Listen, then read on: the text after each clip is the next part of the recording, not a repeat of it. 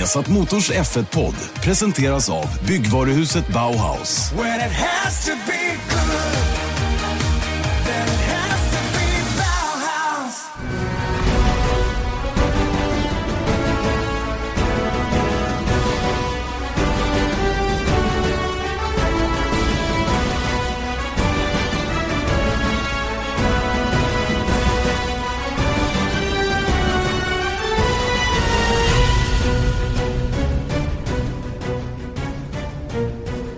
Supervälkomna ska ni vara till veckans Formel 1-podd. Vi har satt Motors Formel 1-podd som alltid mellan, före och efter racen som går i Formel 1-VM under säsongen. Eh, Janne Blomqvist, Erik Stenborg, vi har satt Motors F1-podd som ni hör som vanligt på viasasport.se, Acast eller på iTunes.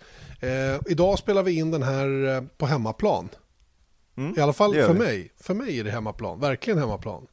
Jag är så ofta på jobbet så att jag, jag är på hemmaplan också. Ja, men jag, jag. Det här är mitt, min arbetsplats så att jag är både på hemmaplan och på jobbet. Ja, det är bra. Men ja. du, ja, definitionsfråga. Ibland är det ju Barcelona också som Eller Så kan det faktiskt vara. Nej, men det är skönt att vara hemma faktiskt, ärligt talat. Det, är, det har varit en hektisk april och sen så började ju maj då med det här racet. Så det, det, är faktiskt, eh, jag slickar i mig, jag tycker det här är toppen. Och få vara hemma och landa lite grann i saker och ting. Och jag, var, jag måste erkänna att jag var extremt trött på Formel 1 när jag åkte hem i, i måndags. Jag kände att jag behövde ta ett par dagar verkligen och, och tömma huvudet lite grann. För ibland blir det för mycket. Det, det händer för många saker. Kan du uppleva samma sak? Absolut. Ja, men det kan verkligen, och det betyder inte att man inte tycker att det är kul, utan det är bara så här, man vill inte tänka på det. Jag började direkt tänka så här att, ja men okej, hur gör vi nu till Monaco? Sen så, men man har liksom inte man behöver lite inspiration ibland. Ja, sen så, det blir fullt på hårddisken på något sätt. Va? Man, det, det, det, dator behöver ibland defragment, defragmenteras för att eh, kunna funka bättre. Och det tror jag är precis samma sak med hjärnan emellanåt. Att det blir för mycket intryck och saker som inträffar till höger och vänster. Va? Man, man behöver helt enkelt stanna upp tömma, tömma allting och sen börja om från början lite grann. Och det var lite den känslan jag hade nu när jag kom hem från, från Spanien. Men eh, det var ju generellt en, en bra helg tycker jag. Spaniens Grand Prix blev ju någonting helt annat än vad jag trodde att det skulle bli på förhand. Eh, det här nya reglementet, hur bilarna uppträdde, hur racet blev. Eh, dessutom hela eh, jag ska säga, inramningen blev väldigt spännande också med den nya fanfestivalen som arrangerades och hela den där grejen. Va? Men vi kan, vi kan väl ta saker och ting i, rätt ordning känns det som. Och börja med själva racet som, eh, som, eller hur, visst blev det bättre än du också hade trott från början? Alltså jag tycker att det var lätt bäst på hela säsongen och jag skulle säga att jag, jag kan inte peka på vilket race som var i klass med det här, men med tanke på hur det har sett ut sen Mercedes-dominansen så tycker jag liksom att det var åtminstone det bästa sedan 2014. Skulle ja, jag, säga. jag får nog lov att hålla med om det. Intensiteten i racet. Fortfarande är det ju så att typen av omkörningar är dels annorlunda, typen av eh, fighter är annorlunda än vad vi har sett tidigare och typen av racing är ju annorlunda än vad vi har sett tidigare. Alla de här sakerna tillsammans gör att man hade lite farhågor då när man kom till Barcelona som är känd för att vara fruktansvärt svår att köra om på och sådana saker. Att det här blir ju bara ett, den som tar starten, ett depåstopp och sen är det målgång och det, det händer inte så mycket mer. Nu var det ju inte, verkligen inte så utan det blev Nej, det det blev en taktisk jakt samtidigt som det varit väldigt, väldigt hård körning och ett antal fina omkörningar också. Ja, men det var så mycket som pekade på det, för att dels banan som sådan, dels de nya bilarna som är svårare att köra om med, sen dessutom för hårda däck, mm. eh, och sen så det faktum att alla kan det, liksom, det blir inte lika mycket överraskningar. Nej. Nej på, i Barcelona för att de känner banan så väl och man har varit där så, under så himla lång tid. Men allt det där kastades ju ut ur, från fönstret, eller vad man säger. Mm. Aj, jag... jag är väldigt, väldigt förkyld, så ni får ursäkta lite här för jag kommer snurvla en del och kanske hosta också. Men ja, det, det, det var bara disclaimer. Ja, men det är bra. Det är bra. Då vet vi ifall att det låter konstigt emellanåt. Mm. Eh, vad, var det som, vad var det som avgjorde tycker du? Var det Ferrari som förlorade racet eller var det Merca som vann? Eller var det ja, både och? Ja, det, det beror väl på. Men med tanke med facit i hand så var det Merca som vann, mm. tycker jag. Och jag har tänkt på det, att det var, var, liksom, var det Ferrari som bommade, så att säga. Och det, det, det, är klart att det fanns ju tillfällen som de hade kunnat gjort saker annorlunda, vilket hade kanske kunnat se annorlunda ut. Men det var liksom inga så här äh, uppenbara misstag, tycker jag, som Ferrari gjorde, som gjorde att det blev som det blev, utan snarare så att Mercedes gjorde färre. Men det var för en gångs skull, så här, eller så här tolkade jag det. Jag ska inte säga att så här var det, utan så här tolkade jag det. Eh, jag tycker verkligen inte att, att, att, Ferrari gjorde något fel. De bommade inte, de gjorde allt enligt skolboken. De försökte hålla koll på Mercedes. Det som i slutändan avgjorde, de hade ju trots allt 7 sekunder, 7-8 sekunders lucka då inför den sista rundan påstopp. Det, mm. som, det som skilde mellan Ferrari och Mercedes var ju att Ferrari blev tvungna att köra den sista stinten på medium och, och eh, Mercedes hade bestämt sig för att köra på soft.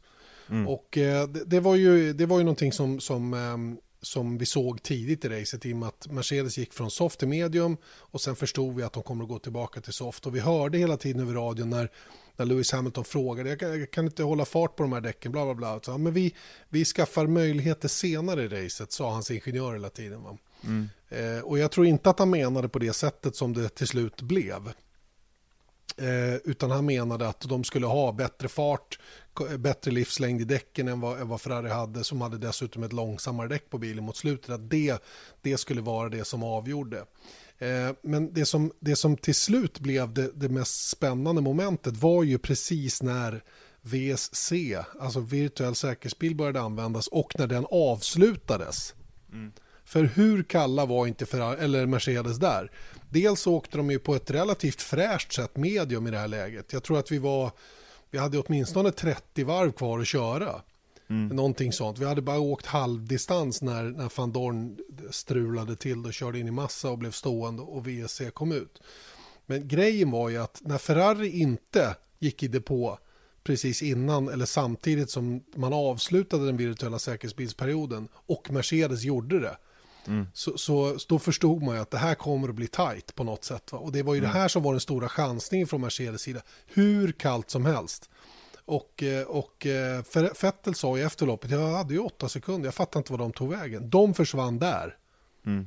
Vettel när det blev grönt var ju tvungen att komma upp i fart igen och göra sitt varv samtidigt som Hamilton går i depå och gör sitt depåstopp ungefär som normalt, vilket betyder att han varken tjänar eller tappar någonting på att göra stoppet i det läget. Han tjänar ju en del, det gör han ju faktiskt, för när ja. han kommer ut så gör ju han det som om han hade gjort ett normalt depåstopp samtidigt som Vettel liksom behövde komma upp i fart och hela den här grejen. Så de här två sakerna tillsammans gjorde ju att de här åtta sekunderna försvann direkt. Ja, men, och det var det här som jag tänker då, så att man brukar man sitter ju automatiskt och man lyssnar på er och man försöker liksom räkna själv och sånt där. Men här fattade inte jag, för att det är liksom Ibland, jag kan erkänna det, att ibland när man vet att säkerhetsbilen kommer ut, om det är en riktig eller om det är en mm. virtuell, mm. att så här, nu ska man gå i depå. Mm. Förstår du? Att det är liksom mm. så här, grund, hade jag varit strateg där, och det säger ganska mycket om hur avancerat det här är räknesätten. Mm. I att man bara, ja men eftersom att bilarna kör långsamt på banan nu, då går jag i depå om jag har läge till det. Mm. det. Det är liksom tumregeln som jag tänker. Och sen så när de inte gör det direkt, då blev jag så här super, jag bara, vad är det som pågår? Ja, då blir du osäker. Ja. Men då, ja. då, då, jagar man banposition förmodligen, va? vilket mm. oftast är anledningen till att man stannar kvar man tjänar platser och mm. man försöker sträcka ut stintar och allt vad det nu är för någonting. Men vi kan, vi kan ju ta ett annat exempel i den här situationen då. Det är ju Sauber. Där blir det ju ett jättetydligt exempel på hur tokigt det kan bli och hur bra det kan bli. Mm. Eh, Marcus Eriksson eh, som var på en tvåstoppare, vilket han själv ville göra. Vi hade pratat om det innan och han var väldigt tydlig med att han ville vara aggressiv i den här tävlingen. Eh, bestämde sig för en tvåstoppare och skulle gå i depå ungefär samtidigt med Pascal Wehrlein. Det var bestämt från början. De skulle gå i depå ungefär samtidigt för sitt sista depåstopp. I Wehrleins fall hans enda depåstopp och i Erikssons fall hans andra depåstopp. Eh, det skilde inte heller speciellt mycket, något enstaka varv. Problemet var att Eriksson gick in före och kommer ut precis när det blir virtuell säkerhetsbil. Vilket mm. betyder att de han raceade på banan de, de, eh, de kunde ju då dyka in i depån och göra sitt depåstopp samtidigt som Marcus fick sitta och fisåka enligt VSC-fart. Mm. Pascal Wehrlein missar egentligen infarten till depån. Han får ett sånt sent inkallningsanrop ifrån depån att han bommar ju den här bojen som man ska åka på insidan och inte på utsidan när man ska in i depån.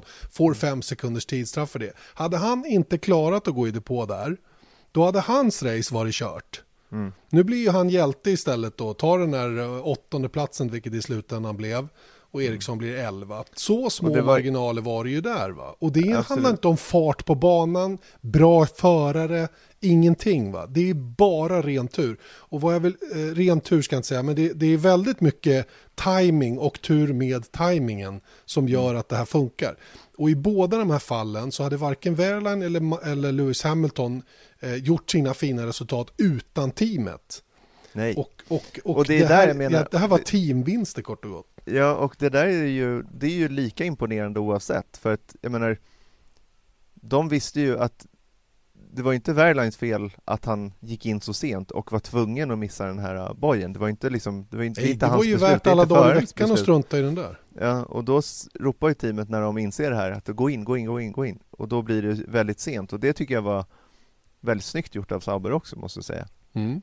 Och jo, Ruth men... Buscombe och eh, allt vad de heter. Jag tycker det var där visar de ändå att de, när de har lite pace så kan de. Och det är, det är som Webber sa i Du sa, här, hörru, Erik, förlåt att jag avbryter. Nu sa du någonting som var väldigt, väldigt viktigt. De mm. hade den här gången pace för att ta den här strategin till målflagg och vinna på det. Vilket mm. de väldigt sällan har haft de andra gångerna man har provat det här. Mm. Och det är den stora skillnaden. I slutändan var det ju ingen skillnad i slutresultat på en tvåstoppare och en enstoppare om det inte hade blivit virtuell säkerhetsbil. De hade, kunnat varit, de hade förmodligen varit helt tajt tillsammans. Mm. Den ena eventuellt, eller ja, den ena före den andra. Vem av dem som hade varit före eller inte, det hade ju varit väldigt tajt och, och, och så va. Men, men, det är ju det som är det, det intressanta, det är ju att Sauber för en gång skull hade fart att matcha eller att backa upp den här strategin som man nu valde för Wehrleins del. Mm. Vilket var precis också någonting som eh, Webber sa i det reportaget som vi körde på lördagen att det har Ferrari varit bäst på hittills i år för att de har haft bilen att kunna vara aggressiv med. Och? För det är ju alltid den där grejen att, och det är lite så här ironiskt på ett sätt att det känns som att Eriksson har suttit på en enstoppare i hela hans F1-karriär ungefär. Mm, mm. Och sen så Men inte haft pace att backa upp på, det. Exakt, och sen så den gången man har pace så sitter han på en tvåstoppare istället och då blir det som det blir. Sen så är det ju inte så enkelt heller, men, men eh, Nej, men rätt mycket sanning i, Ja, det är klart att det är det. Och jag pratade faktiskt med Marcus och han sa att jag aldrig, aldrig i hela mitt liv varit så knäckt efter ett lopp som senast i Barcelona och jag, jag förstår verkligen det. Alltså för maken till otur som grinar i ansiktet i det här fallet med allt vad det innebär av opinion kring det ena, kring det tredje och, och, allt vad det nu är. Han är ju väl medveten om hur den här branschen fungerar och hur man snackas ner när man inte slår när, när teamkamrater gör ett fint resultat och, och det spelar absolut ingen roll.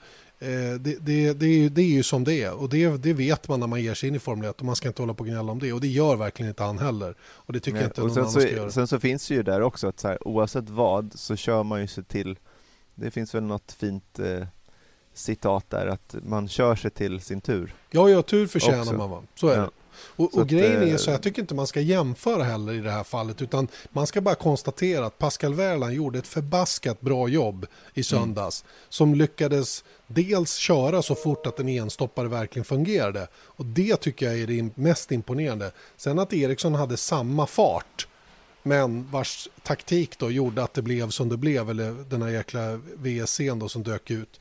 Ja, det är ju som det är. En annan gång går det åt andra hållet, får man väl verkligen hoppas i alla fall, även om det inte har riktigt varit så, så här långt. Men, det är men, det där stolpen ut. Jo, fast tiden. grejen är att den här gången tycker jag är lite annat mot alla de andra gångerna Marcus har kört enstoppare. Att vi tar Mexiko förra året, han åkte på ett set däck i stort sett hela racet och blev 11 för att ingen bröt framför. Den här gången var det ju inte riktigt, ja delvis var det ju så för Wehrlein, för hade, hade Verstappen och Räikkönen tagit sig mål och även Bottas, då hade det inte blivit någon poäng den här gången heller. Det ska, man, det ska man också ha väldigt klart för sig när man liksom summerar det här racet. Va? Det är klart man kan ge honom 10 poäng i alla omröstningar och sådana grejer och för, för allt han gjorde. Men om man analyserar, vilket de här eh, betygssättarna sällan gör på djupet ordentligt, ja då, då kommer man ju då kommer man fram till en liten annan slutsats tror jag än om man Ja. bara tittar Men det på spelar rena ingen roll resultat. Nej. oavsett. Alltså det, det är ju kontentan av det hela. Det är ju samma sak i Brasilien eh, förra året. Mm. Att det var ju också tack vare Mm. massa omständigheter. Men samtidigt så var det ju Nasser körde han Ja. kom i mål för det första. Exakt. Och sen så oavsett att Marcus inte kom i mål, det var ju, det kan man ju liksom Ja, han kraschar ju. Ja, det är liksom, ja men, och det var, ing, ja, men det var ju sådana förhållanden att det var lätt att göra det på intermediate. Jo, jo, jo. Men, men ändå, det är Ja. liksom To finish first, first you have to finish. Ja. Jag bara bombar ut mig eh, citat Klyschor, här. klyschor, Ja. klyschor. Nej, men det, du har helt rätt Erik och det, det är det jag vill på, det är precis det jag vill påvisa här. Att det finns ingen anledning att jämföra de här två insatserna för de var på, på sitt sätt lika bra.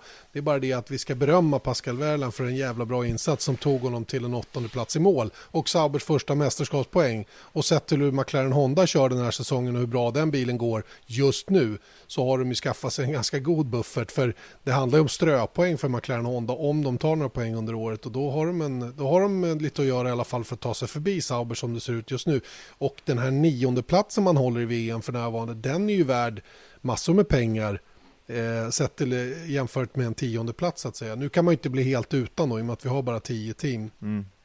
Men oavsett Nej. det så är det väldigt, väldigt bra att ta de här poängen. Och jag är säker på att det kanske dyker upp någon, någon möjlighet längre fram under säsongen också.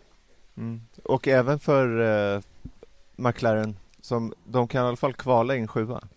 Det kan de Det göra. kan och det. Och det är, det är ju några intressanta reflektioner man gör kring detta. Hur fort den här bilen går att köra när man får vrida på eh, ett, Mm. ett varv. Då går den ju faktiskt att köra väldigt, väldigt fort. Det är ju rätt uppenbart. Men den går inte att köra speciellt fort när man ska köra i 30 mil på den tillgängliga mängd bränsle som finns. Då är bilen ruskigt långsam. Och, och ja, lite Men det är samma sak där Janne ju, att då, då var ju han ihop med Massa i första kurvan. Ja. Och utan det då, liksom. Mm. Jo, och då är visst. vi inne på det här att så här, ifs, buts and maybe. Mm. Jag menar, Jo, så är då, då, då är det track position där och hej och hå. Så att, så hade vi varit spanjorer så hade vi säkert suttit i Viasat Motor Podcast. så hade vi, hade vi eh, suttit och, eh, och funderat extra mycket på Alonsos... På den, eh, ja. Djupanalyserat den situationen, vad Ja. den lilla sammanstötning kostade i placeringar.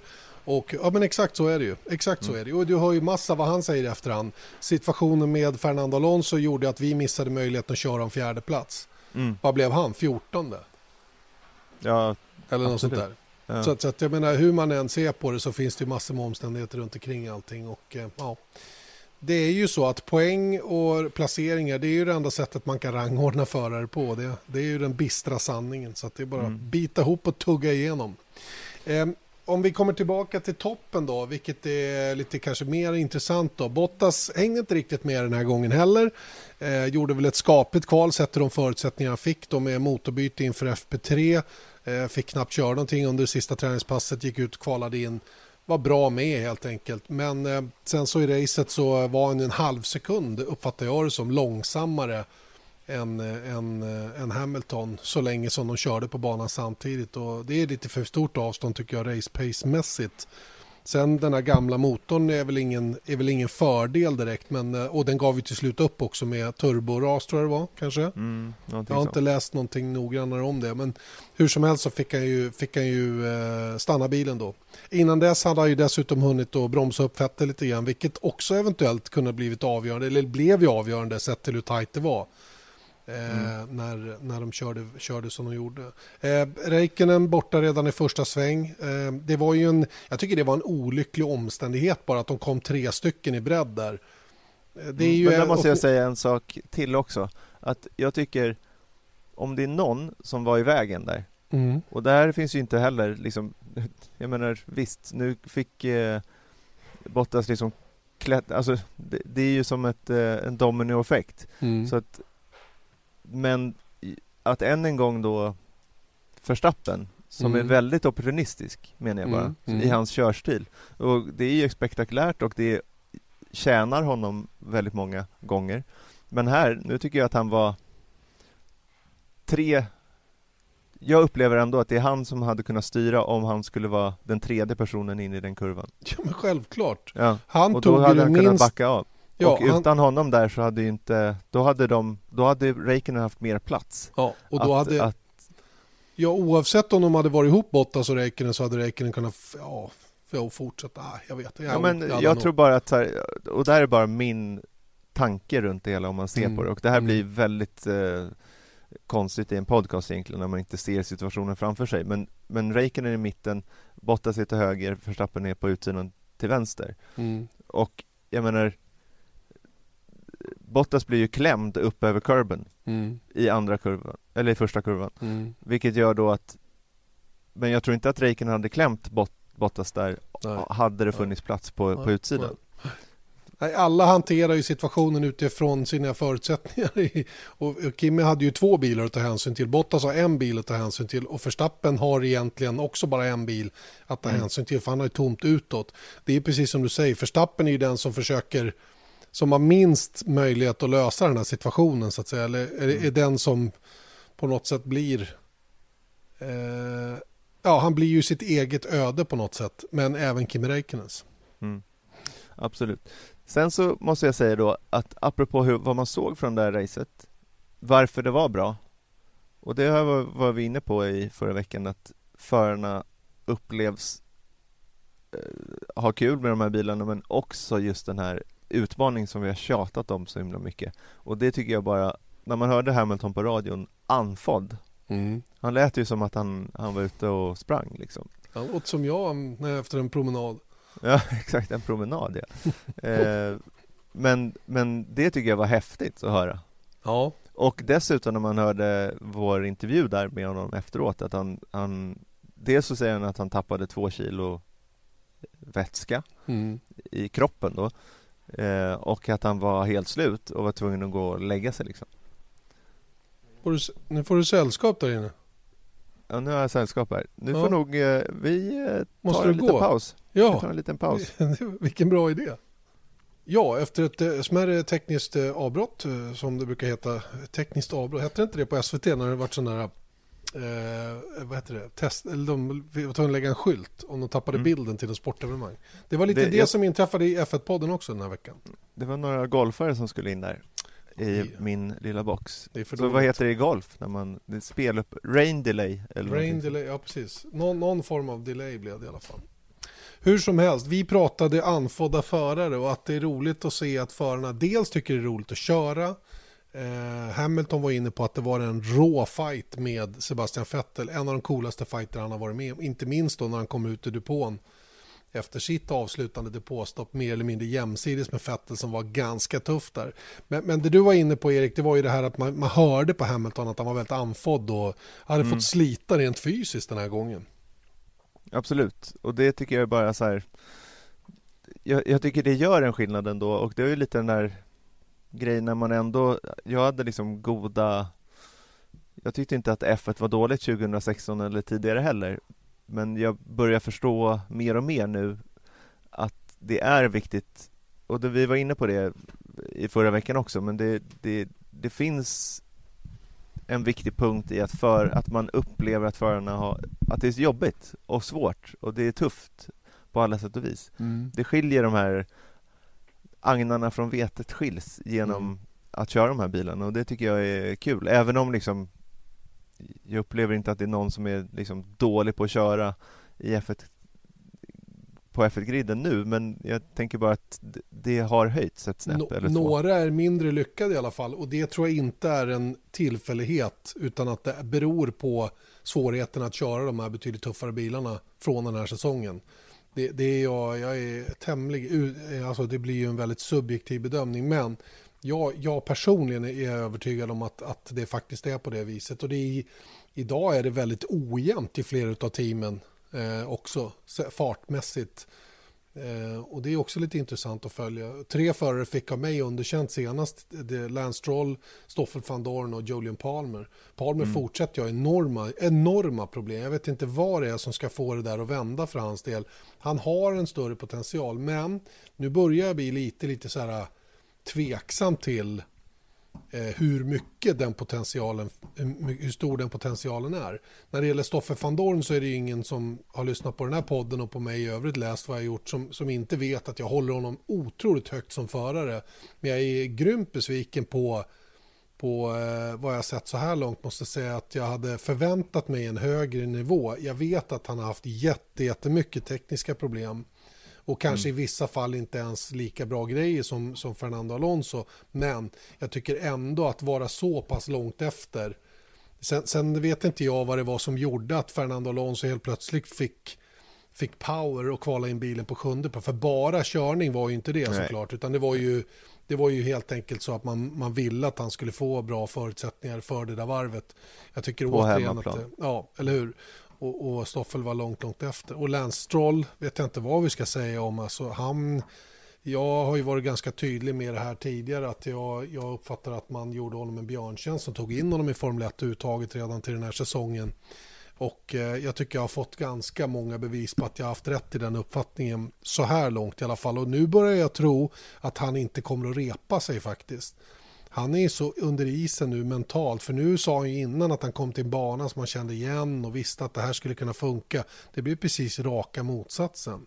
Det blev mm. ännu mer att han sållades från de övriga och eh, jag tycker det är lite ledsamt faktiskt att han eh, att han har hamnat i det där läget. För han hade kunnat vinna i någon annan kategori en säsong till. Fått köra lite fredagsträningar, känna på de här bilarna, komma in i det, bli lite bättre utbildad. Istället för att bara Killen kastas rakt in. Ja. Han är 18, det, liksom, det var ingen panik. Att man behövde inte göra liksom, en förstappen variant Och det ska man inte heller glömma bort att förstappen kom in när det var så att säga långsammare och, och kanske det var ju fortfarande svårt med däck att, Absolut. Eh, att, att förstå sig på dem. Men nu är det en helt annan upp, liksom, utmaning uppenbarligen. Mm. Så att jag, jag, förstår inte heller varför han inte kunde få, få två säsonger i Prema som pappan äger för mm. att göra eh, en bättre övergång. Sen så kanske inte F2 är världens bästa det är, liksom, det är inte direkt jämförbart heller med F1 Nej. Det är ändå men... längre race, eh, liksom motorstarkare bilar och mer likt. Ja, och framförallt hade han ju fått ytterligare ett år att bli ett år äldre på. Att ja. liksom lära sig den här businessen och om man hade kört GP2 så hade han ju åtminstone kunnat kört kanske fem eller sex fredagsträningar. Känna mm. på den här bilen. Åka en, en, en 50 varv varje fredag han kört. Och liksom två, sagt... två ordentliga tester också som ja. ändå är eller hur? organiserade och allting. Sen så vet man ju inte heller. Sen så en bra försäsong ovanpå det och sen så gör debut mm.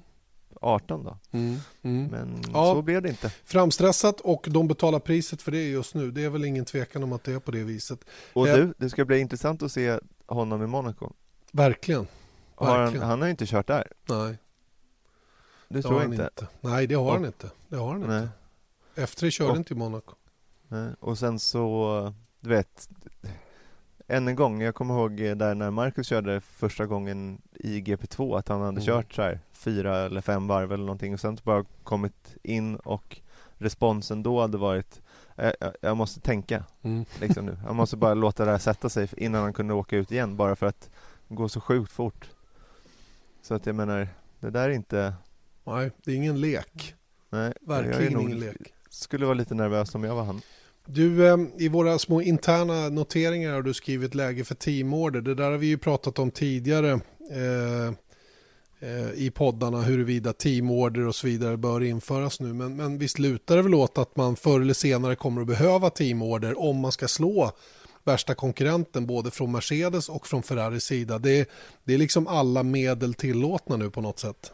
Ja, för det första för att kan man ju se också att vikten av att båda bilarna kommer i mål förvisso. Men mm. sen så nu när det är så otroligt jämnt att du kan liksom inte bara köra ifrån en annan bil. Du måste ha all möjlig hjälp du kan få för att kunna slå den andra och speciellt då när Ferrari som har en tradition av teamorder, sen så vet jag inte riktigt hur den ser ut nu för de har inte varit i den positionen att de har kanske riktigt behövt.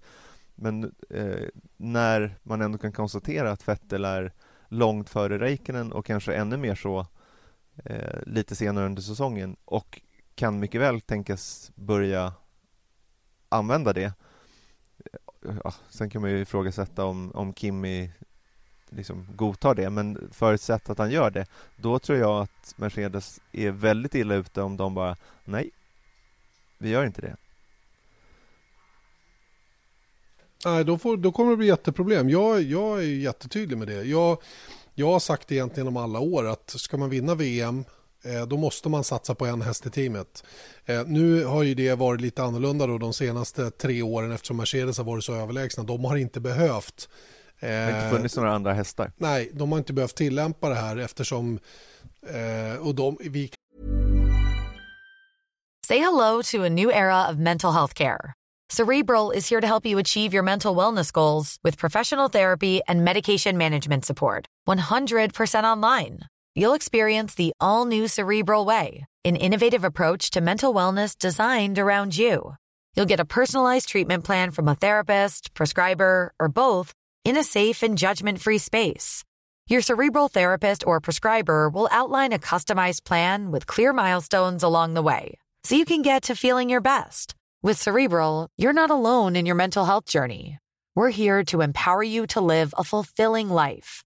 So take that first step towards a brighter future and sign up today at cerebral.com slash podcast and use code ACasts to get 15% off your first month. Offer only valid on monthly plans. Other exclusions may apply. Offer ends July 31st, 2024. See site for details. A new year is full of surprises, but one thing is always predictable postage costs go up. Stamps.com gives you crazy discounts of up to 89% off USPS and UPS services. So when postage goes up, your business will barely notice the change. Stamps.com is like your own personal post office, wherever you are. You can even take care of orders on the go with the mobile app. No lines, no traffic, no waiting. Schedule package pickups, automatically find the cheapest and fastest shipping options, and seamlessly connect with every major marketplace and shopping cart. There's even a supply store where you can stock up on mailing supplies, labels, even printers. Stamps.com has been indispensable for over 1 million businesses just like yours. All you need is a computer or phone and printer. Take a chunk out of your mailing and shipping costs this year with Stamps.com. Sign up with promo code PROGRAM for a special offer that includes a four week trial, plus free postage and a free digital scale. No long term commitments or contracts. That's stamps.com code program. kan vara rätt säker på att internt har det ändå varit starka förhållningsorder hela tiden om att åtminstone inte köra varandra banan och det har vi fått exempel på att när det har skett små tjuvgrejer eller att de har råkat köra ihop med varandra, då har det ju verkligen tagits på absolut största allvar och man har pratat igenom bla bla bla hela den här grejen. Så att jag tror att visst, de har låtits racea med varandra, Rosberg och Hamilton, och här när de gjorde det, men väldigt, väldigt mycket med, med, med tydliga anvisningar om vad som är tillåtet och inte. Nu är det ett lite annat läge för nu kör inte Merca mot sig själva längre utan nu kör de mot Ferrari och då mm. kommer saker och ting i ett annat läge och då måste de förr eller senare, då kan inte de sitta på, på presskonferens och säga att jo men vi är skyldiga sporten det här.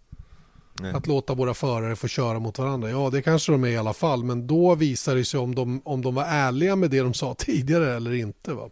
För mm. att uh, jag, jag, jag... De, var, de var ärliga tror jag när de hade råd med det. Men ju längre säsongen går och ja. om det fortsätter så här. Jag menar vad är det nu? Sex poäng ja. skillnad. Något sånt. Ja. Fem race in och jag menar det finns allt tyder på att det kommer fortsätta. Ja. På det här viset. Så att uh, ja, jag, de, de måste nog. Mm. Och det och enda... Ju... Får, får, får jag sammanfatta Barcelona lite grann? För att det var ju rätt så annorlunda resultat ändå på många sätt och framförallt såg det annorlunda ut. Det var väldigt stora differenser mellan team och förare och bilar och vi hade, vi hade Force India på fjärde femte plats. Jag skulle vilja påstå att väldigt, väldigt mycket av resultaten, bortsett ifrån toppteamen, Ferrari och Mercedes, var väldigt banspecifikt. Ehm, det, det, blir, eh, det blir väldigt, väldigt tydligt när man tittar på det och frågan dyker ju upp naturligtvis huruvida Sauber kan ta poäng även i fortsättning på det här sättet. Aldrig, säger jag. Inte en chans. Mm. De är fortfarande jättelångt efter. Dels är ju Ferrari-motorn, den gamla som de kör, inte lika sårbar på en sån här bana som Barcelona som inte är samma typ av motorbana. Och det kommer heller inte Monaco vara, men där är det andra egenskaper som spelar roll.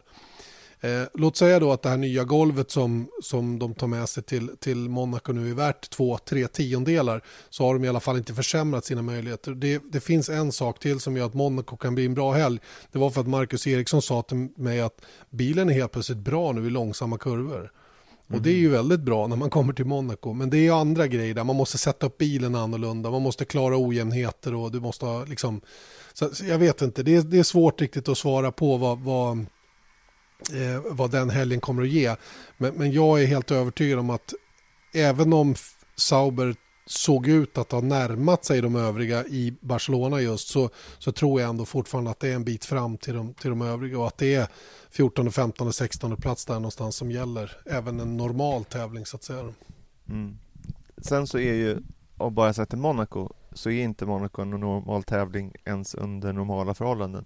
Nej. Eh, så att där kan ju faktiskt lite vad som helst hända om man och, och, där kan vi snacka om omkörningssvårigheter så det, och det är inget konstigt. Så där är ju, så får man ett bra kval, kommer iväg bra, ja då, mm. då kan det mesta hända. Men det, det, kan ju gå precis åt andra hållet också såklart. Absolut. Där är det ju liksom mer att hålla tungan rätt i mun genom hela racet och få till strategin. Där om någonstans gäller det ju att tajma sina stopp i förhållande till säkerhetsbilar, virtuell säkerhetsbil och sådana grejer och att ha koll på sina depåfönster, säkerhetsbilsfönster och alla de här bitarna. Det är ju sånt som avgör och väldigt mycket mer betyder eh, för ett bra resultat så att säga när man väl kommer dit. Ja, och där kommer ju de. Det är, det är ju ett av de racen som det finns hög och låg sannolikhet men här är det 100% sannolikhet att det kommer någon form av avbrott. Ja. Mm, helt klart. Det är om Spaniens Grand Prix, tycker jag. Um, nytt ledarskap i Formel 1 uh, eh, har vi ju också pratat om väldigt mycket. Den nya Liberty Media som har, uh, som har um, kommit in och, och försöken att ändra sporten syns ju ganska tydligt nu. Uh, det är mm. inte bara liksom under ytan utan nu är det ju väldigt Eh, Eh, vi hade ju mycket som hände i Spanien och vi var inne på det i början på podden med till exempel fanfestival och hela de där grejerna. Och det är lite förändringar man vill göra även när det gäller den, den, den praktiska styrningen av sporten då. Fördelning av pengar, hur ska avtalen med team och sådana saker se ut? Mm. Och det som kom ut då i veckan det är genom dit Renken då på Autosport eh, som pratar om att det talades då i Spanien om att eh, tidigare så har ju Formel 1 styrts av så, så kallade Concorde-avtal mm. som har drivits igenom på, ibland är det väl tre år, ibland är det väl tio år och sånt där. Och då är det eh, det går liksom inte att rubba på under tiden Concorde-avtalet löper. Och nu är det ju däribland till exempel motorer som, som vi har nu som löper till 2020 eh, vilket gör då att här, vi kan inte förvänta oss några större förändringar i form av reglementes runt motorer förrän 2020. Och så är det bara. Mm. Men nu börjar de prata om att det ska drivas mer som mer en konstitution och då kan man ju titta på lite hur den amerikanska konstitutionen som är aktuell, kanske nu med Donald Trump och allt vad det är, eh, är att den skrevs ju 1789 tror jag mm. och har liksom varit som USAs ledstjärna sedan dess. Och sen så har det kommit massa amendments eller förändringar i den här eh, konstitutionen. Justeringar? Ja, justeringar. Eh, jag tror faktiskt att det är 27 stycken. Jag är något av en amerikansk politikexpert, i varje fall på, på hobbynivå. Läser böcker. Är, är besatt av CNNs pushnotiser till exempel. Men oavsett så, så mm, det fungerar ju mer som en ledstjärna att det här är så Formel 1 ska drivas framåt och sen så kan man ju då göra justeringar löpande efter det här. Men, men eh, det är en helt annan grej än att sätta, okej okay, nu bestämmer vi hur Formel 1 ska fungera fram tills 2025 och då kan man inte ändra någonting Nej. fram tills dess. Då är man satt där, mm. vilket gör att beroende på vad som händer i världen och allt vad det är så, så ja, man, egentligen så kan man hårdra det i att om det skulle komma fram någonting som gör nu att om vi inte kan ändra Formel 1 på ett sätt så kommer vi hinna självdö innan 2020. Jaha. Mm. Men egentligen så kan man inte förändra det.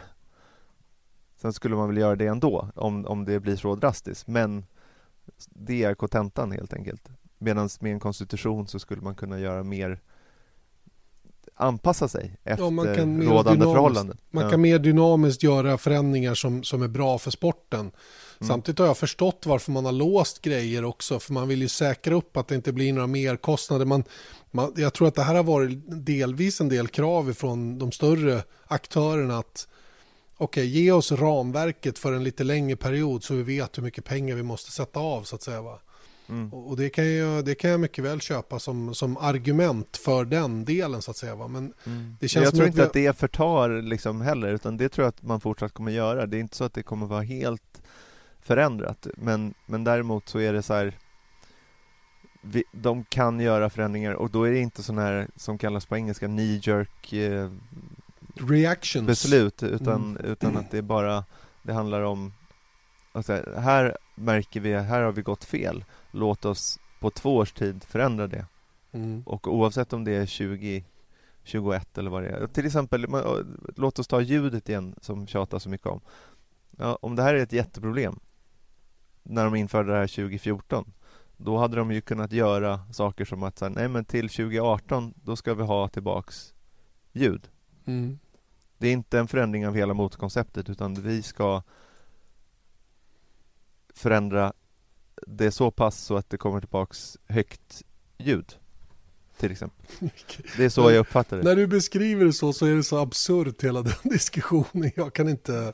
Nej, jag kan inte... nej men det är svårt och sådär. Jag förstår ja, inte allt ja, heller. Liksom, det, det, är verkligen inte så heller. Men, men kontentan som mm. jag drog av det är att det låter jätte, jättebra. Mm. Och det finns så himla mycket av det här inom eh, Formel 1 just nu så att jag känner mig liksom, du vet, lätt till mods. Säger man det? Glad till mods. Ja, men du är lite uppåt kort och gott. Ja men faktiskt. Ja, jag, det är positivt. Och, ja men det är verkligen positivt. Mm, jag håller med. Och, och, och, eh, jag fick samma känsla nere i Spanien att, att det här positiva var bara det att Paul Stondart var i depån igen. Hallå, ja. vad han var hela tiden? Paul Stoddart ska ju vara på griden. Hallå, gamla Minardi. Nu hade ja. han sina gamla förlängda Minardi-bilar på plats och körde folk i. Eh, det vill mm. säga de här tvåsitsbilarna som Paul Stoddart var väldigt förtjust i och gjorde en grej utav. Till och med tävlade med en period. Mm. Um, hade gamla Patrik Frisacker i en av bilarna. Hallå, vad har han tagit vägen? Och så var det ju självklart Salt Baumgartner, också en gammal favorit. Som han har skällt på många gånger när han har legat i vägen i en Minardi eller vad han nu körde för någonting. Mm. Så att, äh, jag tycker det var jättekul och, och de hade de här, jag tror att de hade fyra tvåsitsbilar där, nu använder de väl bara två. Och skjutsade folk i. Eh, jag vet att eh, eh, flera journalister fick möjlighet att åka med till exempel. Kanske något för någon av våra journalister som får plats att åka. Inte mm. vet jag. När är du ute mm. nästa gång Erik? Jag kommer när jag får en inbjudan till tvåsitsen. ja men det ska jag ordna, det är inga problem. Men jag vill inte eh, åka med Salt Baumgartner. Nej, du vill åka med Frisak. Ja, Frisak. Jag vill åka med Rickard Rydell. Ja, Rydell hade varit coolt. Ja, det hade varit coolt om han får köra. Hur som Vilket helst... reportage. Rickard ja. Rydell kör Frida. Ja, i tvåsitsen. Ja, det hade ja. varit rätt häftigt. Ja, i alla fall var ju det en av grejerna som man gjorde då och hela den här fanfestivalen, vet inte om jag såg så himla mycket av den egentligen, men det, det, var ju tydligen en massa mer simulatorer och däckbyten och allt möjligt som man kunde göra där nere och det, det fanns grejer att göra, man försöker aktivera publiken på plats. Eh, det pågår någon simulatortävling med Logitech och med McLaren är det så, där man kan få, mm. om man vinner den tävlingen då, bli en aktiv del av McLaren Honda. Mm, du blir alltså anställd som, eller anställd, men du, du får ett uppdrag som simulatorförare för McLaren mm. eh, och är alltså en del av, av teamet. Mm. Och det, bara en sån grej liksom att så här, och, och, där har vi också Zac Brown, han som driver McLaren idag, liksom amerikan, fullkomligt medveten om att det behövs mer publikfriande frågor. Sen kanske en simulatorförare kanske inte är det, men tänk dig... Det är ju bara en liten del så att säga, ja, men det är ju i rätt allt, riktning. Det är allt sammantaget och sen mm. så en fanfest, eh, nya sociala media tillåtelser, bara det att jag mm. träffade några eh, polacker av, av eh, en anledning som jag kan berätta mer om framöver kanske, men, men då pratar jag då om att så här, nej men vi, man får liksom inte, vi får ju inte, du får inte gå på när du lägger ut de här filmklippen med eh, Mange till exempel Mm. och du gör det för kommentatorsboxen, egentligen är det högst förbjudet. Oh ja, oh ja. Jag borde bli Vilket halshuggen helt- och utslängd. Ja, vilket är helt sinnessjukt. Varför ska du inte kunna få göra det? Mm. Nej, det är helt men stört. så är det. Men ja. det kommer ju inte vara så länge till. Och Nej. att teamen får från i år filma på sina sociala medieplattformar eh, första gången. Så det händer så mycket. Och sen så helt plötsligt så under helgen så får vi ett e-mail från Ross Braun där han säger så här Hörrni, nu ska vi efter kvalet eh, testa en ny setup med intervjuer efteråt. Så att, eh, vi- gör så att eh, topp tre-förarna, de går ut på start och mål så blir de intervjuade där istället. Vi Mm. testar och sen Och- så Och hemmaföraren Fernando Alonso, vilket jag tycker var Exakt. cool. Ja, och sen så bara, vi testar det och så får vi se hur det går. Mm. Och jag menar Det här må låta litet, men det, alltså I Formel har varit 1 är det så stort ja. så det finns inte. Att man helt plötsligt liksom samma dag får reda på Hörni, nu, nu gör vi så här. Och alla bara, okej, det är så. Och det är lite den här grejen som vi pratar om att Känner man att en organisation drar åtminstone och försöker göra saker i rätt riktning så tror jag Mm. att alla bara, ingen Den här negativiteten som vi pratade om så många gånger att så här, Jag menar, hade Bernie kommit på det Då hade alla bara, nej vet, Först och främst Eh. hade man aldrig trott på det om man hade sagt det. nej. Men ta den här lilla pojken då som grinar så när Kim Räikkönen körde sönder Ja. bilen. Och så blir han inbjuden i paddock, får en kebba och PR, PR-kuppen är ju total. Jag menar, Mm. någonting mera viralt, i alla fall i motorbranschen, slås väl möjligen av att mitt Twitterkonto är nerlusat av en orange bil som åker runt, runt i USA. Mm. Det är väl det enda som slår det egentligen. Va? Men den här lilla pojken, det var ju det är magiskt. Det är precis så de ska jobba. Jag fattar inte att det har tagit så lång tid att komma till, det här, komma till den här insikten på något sätt. Och här har vi ju verkligen den lille gråhårige mannen som har suttit i vägen för, för eh, avloppet. Mm. Det har inte kunnat rinna för- ut. Ja, och bara en sån sak. eh, Jag har ännu mer exempel. Till exempel att av någon anledning, vi får ju on-site guidelines, alltså våra guidelines som vi ska hålla oss till när vi är på plats med egna eh, kameror. Och då, då har en grej där varit att vi får absolut inte filma från elevated positions, alltså från Något annat än ovanifrån. Nej. Nej, vi får, vi får liksom inte... Ja, om vi har till exempel gjort en intervju på eh, andra våningen av Red Bulls Energy Station, då har vi Mm. behövt skriva och be om tillåtelse från FOM. Får vi filma här uppe? Och det har ingenting med liksom att vi filmar ovanifrån att göra. Så att jag kan fortfarande än idag inte förstå varför fick vi inte göra det? Nej, men det fick vi inte för det stod i guidelinesen. Och det här var ju teamen jättenervösa för också, så att Mm. man var ju tvungen, när man kom med requestet, kan vi få göra den här intervjun med Kimi Räikkönen till exempel? Då måste man redan så här, och by the way så har vi tillåtelse att filma från ert motorhome. Ja men Erik, det, var ju, det här handlade ju om att man fick inte fel, för att de fattade ju att om man ger tillåtelse till det då börjar folk att filma från upphöjda positioner och då skulle reklamskyltar och annat framstå i felaktigt, eh, på ett felaktigt sätt och hela den. Det var ju sånt trams som Ja. bakom det här beslutet. Som inte fanns någon verklighet bakom. Nej, nej, nej visst, visst. och helt visst. plötsligt till, till eh, då i Spanien så får vi också updated on-site guidelines. Och de där har sett exakt likadant ut sedan 2009, så länge jag bor. Och jag menar, nu kommer en andra version då. Så helt stort. plötsligt får vi filma från elevated positions. Det är stort. Det är Ja, stort. Vad ska menar- det ta vägen? Vad ska det månne bli? Ja. Va? Men du förstår vi- vilka möjligheter de har. Du vet, när jag blir hänförd av ett dokument där det står att nu får ni stå på en steg och filma om ni vill. Men menar, du, Ross Braun hörde av sig till förarna och sa det. Har ni tre vänner i familjen, whatever. Här har ni tre grid access klisterlappar. Varsågoda, bjud med dem ut bara. Mm. Va? Ja. Vad händer? Vad händer? Ja. De måste ha slagit sig, tagit medicin av rätt sort. Jag, jag någonting tror vi måste ta en till paus här för jag håller Eller på att filma nästan. Erik tuppade av. Vet du vad? Det passar ju himla bra då att höra veckans lyssnarfråga tycker jag. Som är lite grann på samma tema. Den lyder så här. Hej Janne och Erik. Det var trevligt man fick se dig Janne på Ring Knutstopp. Stefan Andersson heter jag och min fråga är Tror ni att Chase Carey skulle kunna tänka sig att införa något liknande det man har i Indy? Det vill säga att eh, om man vinner Formel 2 att man då får möjlighet att köra några race i Formel 1 året efter. Tack ska ni ha. Hej då! Okej, lyssnarfrågan hade eh, hade, ja, den hängde på resonemanget innan här, nämligen huruvida Chase Carey då, som är den som är ny chef för Formel 1 då, så att säga, har mandat att införa något liknande som man har borta i Indycar. Att den som, den som vinner Indy Lights i det här fallet då får chans att köra något race även i Indycar. Att man har liksom den trappstegen in. Det visste mm. inte jag att det var så ens en gång. Jag är lite dåligt påläst på just eh, Indy-racing där borta. Men, men är det nu så så är det ett fantastiskt bra grepp. Att det skulle hända i Formel 1, vad, vad säger du om det Erik? Jag, jag är tveksam. Jag är också tveksam, men det bygger på, på att jag är intutad i allt det här som vi pratade om tidigare. Att det hade aldrig kunnat hända. Hade de frågat för ett år sedan så hade, bara, då hade man kunnat bara säga nej och eh, gå vidare med podcasten. Men nu, mm. nu och jag menar det kommer inte hända i, eh, i år liksom. Nej. Eller till 2018 såklart. Eh, men jag tror att det skulle kunna ske. Sen så vet jag inte hur, men, men eh, ponera att eh, eh, Nej, men jag, jag tror att enda... Liberty betalar, för att någonstans måste ju Indycar betala det här. Ja, ja, ja, självklart måste ju någon betala för det. Och det, det tror jag även är aktuellt om man skulle göra det i Formel 1, att någon, någon pröjsar för det. Det är ju snarare om man kan få, vilken typ av PR kan det team som släpper till den här platsen få?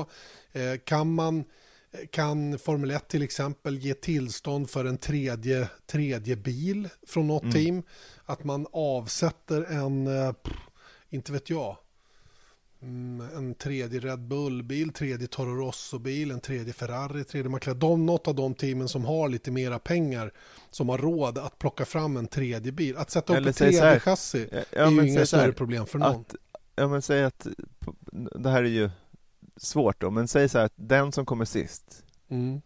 skulle ju ha 2017 skulle ju ha nytta av att driva en tredje bil. Mm. Men just för data och, och, och sådant då. Men det skulle kosta väldigt mycket pengar för ett team som kommer sist. Men säg att Sauber gör det i konstruktörs-VM. Ja, då får de tillåtelse att driva den här tredje bilen eh, 2018. Men den är betald av alla team i form av tv-pengar och ja, Liberty Media. De lägger en liten summa. Kostnaden, och det här, och det här ja. behöver inte vara kanske mer än tre tävlingar. Det behöver inte vara mer än tre race. Det kanske är bara Nej, ett race, inte vet jag. Exakt, tre race kanske då. Mm, mm.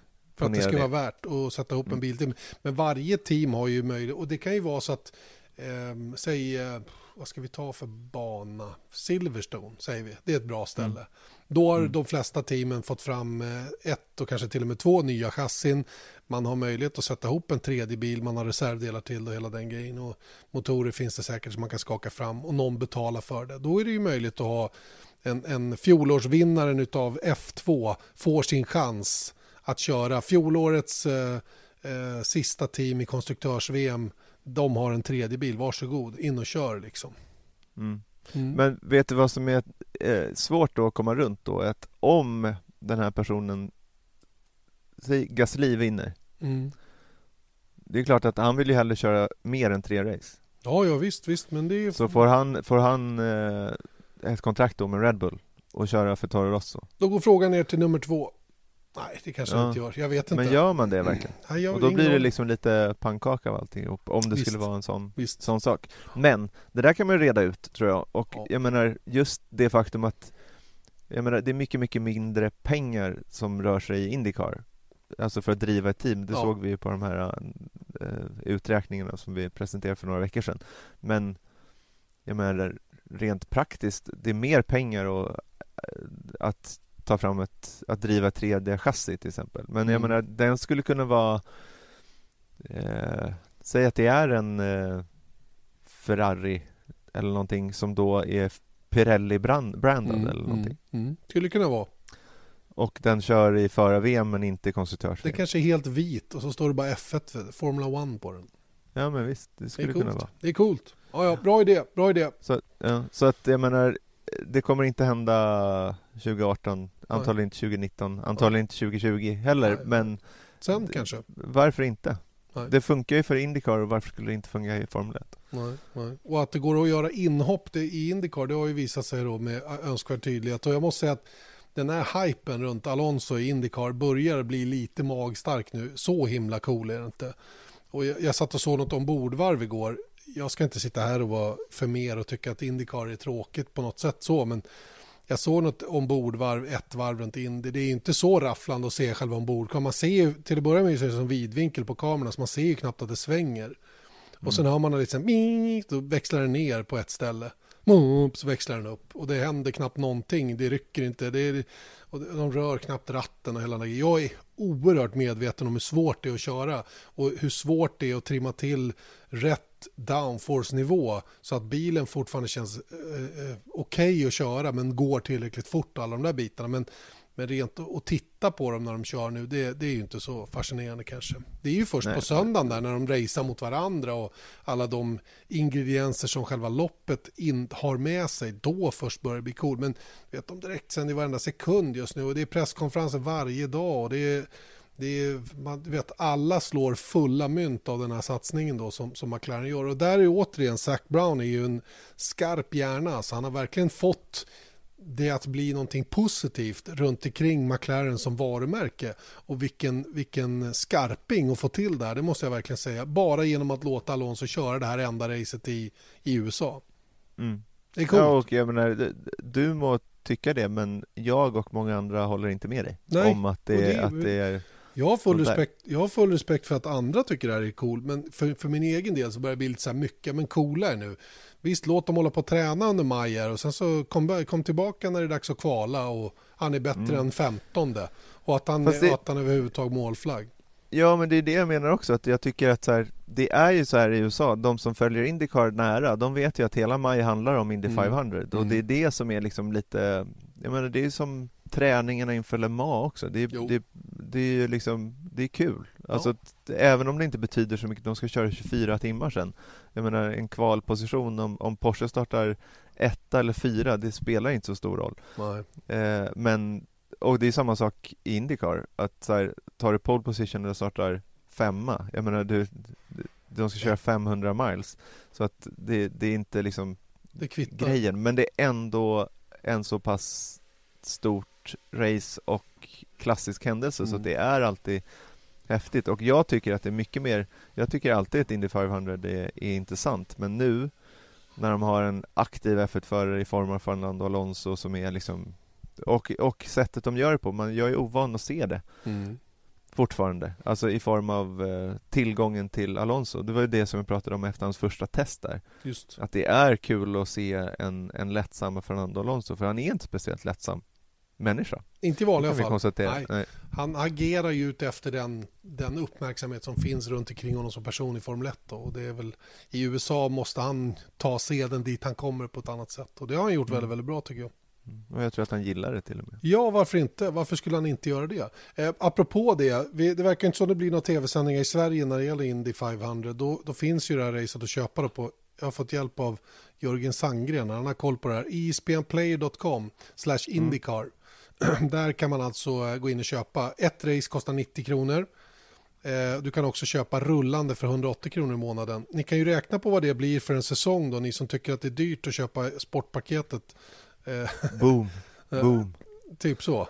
Ja. Nej, men bara så att vi, det här är ju väldigt bra. Den rättigheten är ju inte speciellt dyr i förhållande till Formel 1, alltså Indycar-rättigheten. Och ändå lägger de sig på en sån nivå att 90 kronor kostar varje race. Mm. Så att eh, det, det, det blir mycket pengar. Det blir mycket mm. pengar att köpa loss. Hur som helst så finns möjligheten att se. ISBNs eh, liksom, marknad också. De, det är ju över 300 miljoner Eller hur? människor i det landet också. Så. De tjänar ett par kronor. Helt nu ska vi inte vara sådana. Nej, verkligen nu inte. Vill jag, nu vill jag gå raskt vidare till eh, det viktigaste på hela veckan. Oj, oj, oj, oj, oj. Tipsredovisningen. Det känns inte alls bra den här veckan. Det känns inte alls bra. Jag var ju ohyggligt nära. Mm. Jag var 500 inte... delar ifrån på lördagen och mm. några sekunder på söndagen. Men det gick käpprätt åt skogen. Mm. Ja, tycker du det? Ja, det tycker jag. Ja, jag hade väl noll rätt. Ja, du hade noll, men jag hade ju två. Jag, jag, jag kan bara tala utifrån min egen. mm. det är små marginaler i innebandy, som de brukar säga. Exakt. I alla fall så kan vi konstatera att magkänslan leder just nu med fem mot fyra. Ja. Och egentligen så tycker jag, jag kommer fortsätta tjata om det här hela säsongen, är att eh, Egentligen borde det vara 5-3. eh, för att eh, jag börjar ångra den här eh, LMP 1-2 grejen. Jag tycker inte det hade någonting med saken att göra. Men Nej. jag gick med på det då och Ja. nu får jag skämmas. Exakt. Men 5-4 för Ja. att eh, eh, jag hade tippat eh, Hamilton i pole. Janne hade tippat eh, Vettel och det blev Hamilton. Sen så tippade jag även Hamilton som vinnare och Janne Vettel. Mm. Och där fick jag två poäng. Mm. Första som bröt tog jag Stroll. Han hade lika gärna kunnat bryta eh, men det gjorde han inte. Så Vettel hade lika gärna kunnat vunnit också. jo, absolut. Men jag säger inte att jag får poäng för det heller. Men du tog van Dorn, han bröt. Ja, Så att egentligen så var ju du närmare där. just Så det. det Vem, kan du ta med dig. men Ja. du, vem var det som bröt först egentligen? Det var Var ju... det Verstappen ja, eller Kimi Räikkönen? Ja, men det spelar ingen roll längre. Nej, okej. Det Det, var är eh, akademiskt. överspelat. Ja, Mm. ja, strunta i det. Och det hade ju ingen av oss tagit. Verkligen inte. Inte en chans. Inte Det en långt. chans. Långt bort. Jag, eh, jag gratulerar och det varmaste. Jag är mycket ödmjuk inför eh, din fina insats den här veckan. Jag Mm. inser att det är sjukt små marginaler från att jag hade tagit 2-0 på dig. Men Mm. eh, så är livet. Ibland är inte analysens förmåga tillräckligt stark. Nej, så är det. Vi kanske ska bara gå in på magkänsla i våra införprogram på så du frågar Eje så här, Jo, bara, men men, jag- vad, vad, känner du? Bara, nej, ja, du vet, magen, eh, jag vet inte. Men det är väl ungefär det man använder Jo, men så är det ju. Eje hyllade ju dig i våra sändningar under helgen. Jag sa ju det att det var ju du som hade lärt oss det här med magkänsla. För jag sa det här att jag, jag trodde någonting och använde mig själv av magkänsla. Så hade Erik så han, Vi får kalla honom vår nya expert sa han. E- Eje Mm. alltså. Jag hörde det, men det roliga var ju att de, ni gick ju åt fel, helt fel håll. Ja, Det var som att du hade glömt att jag, jag trodde Mercedes, men då pratade ni Ferrari, att de Exakt. såg starka ut. exakt. Så att, men jag tar vad jag får. Men det var, fortfarande liksom- din, det var fortfarande gut feeling som var grejen här. Ja, det var det kanske. Ja, men det är bra. Ja, det är Tackar för det. Ja, det är varsågod. varsågod. Eh, Jag tycker att vi, eh, det är väl ett jättebra tillfälle att avrunda podden på eh, genom att konstatera att Erik vann veckans tips med 2 mot 0 och leder därför i den interna ligan 5 mot 4. Vi har eh, 15 tävlingar kvar. Så det ska nog gå att repa sig från mitt håll. Hoppas i alla fall. Ja, Vad men tror det du? blir ju så också. Det kan ju också bara klappa igenom totalt. Exakt, exakt. Nåväl, Den som lever får se. Exakt så är det. Och därmed så ber vi att få säga tack och på återhörande. Vi är tillbaka nästa vecka. Då tror jag faktiskt att vi försöker göra den på onsdagen eftersom träningen i Monaco börjar på torsdagen. Det känns för Ja, det stabilt. måste vi. Det måste vi göra. Så att vi, vi verkligen är en dag förväg i alla fall. Och eh, tills dess så, så får ni klara er med den här podden. Hoppas ni har haft lika kul som oss. Vi säger tack och på återhörande. Tillbaka om en vecka igen. Janne Blomqvist och Erik Stenborg. Vesat Motors F1-podd presenterades av byggvaruhuset Bauhaus.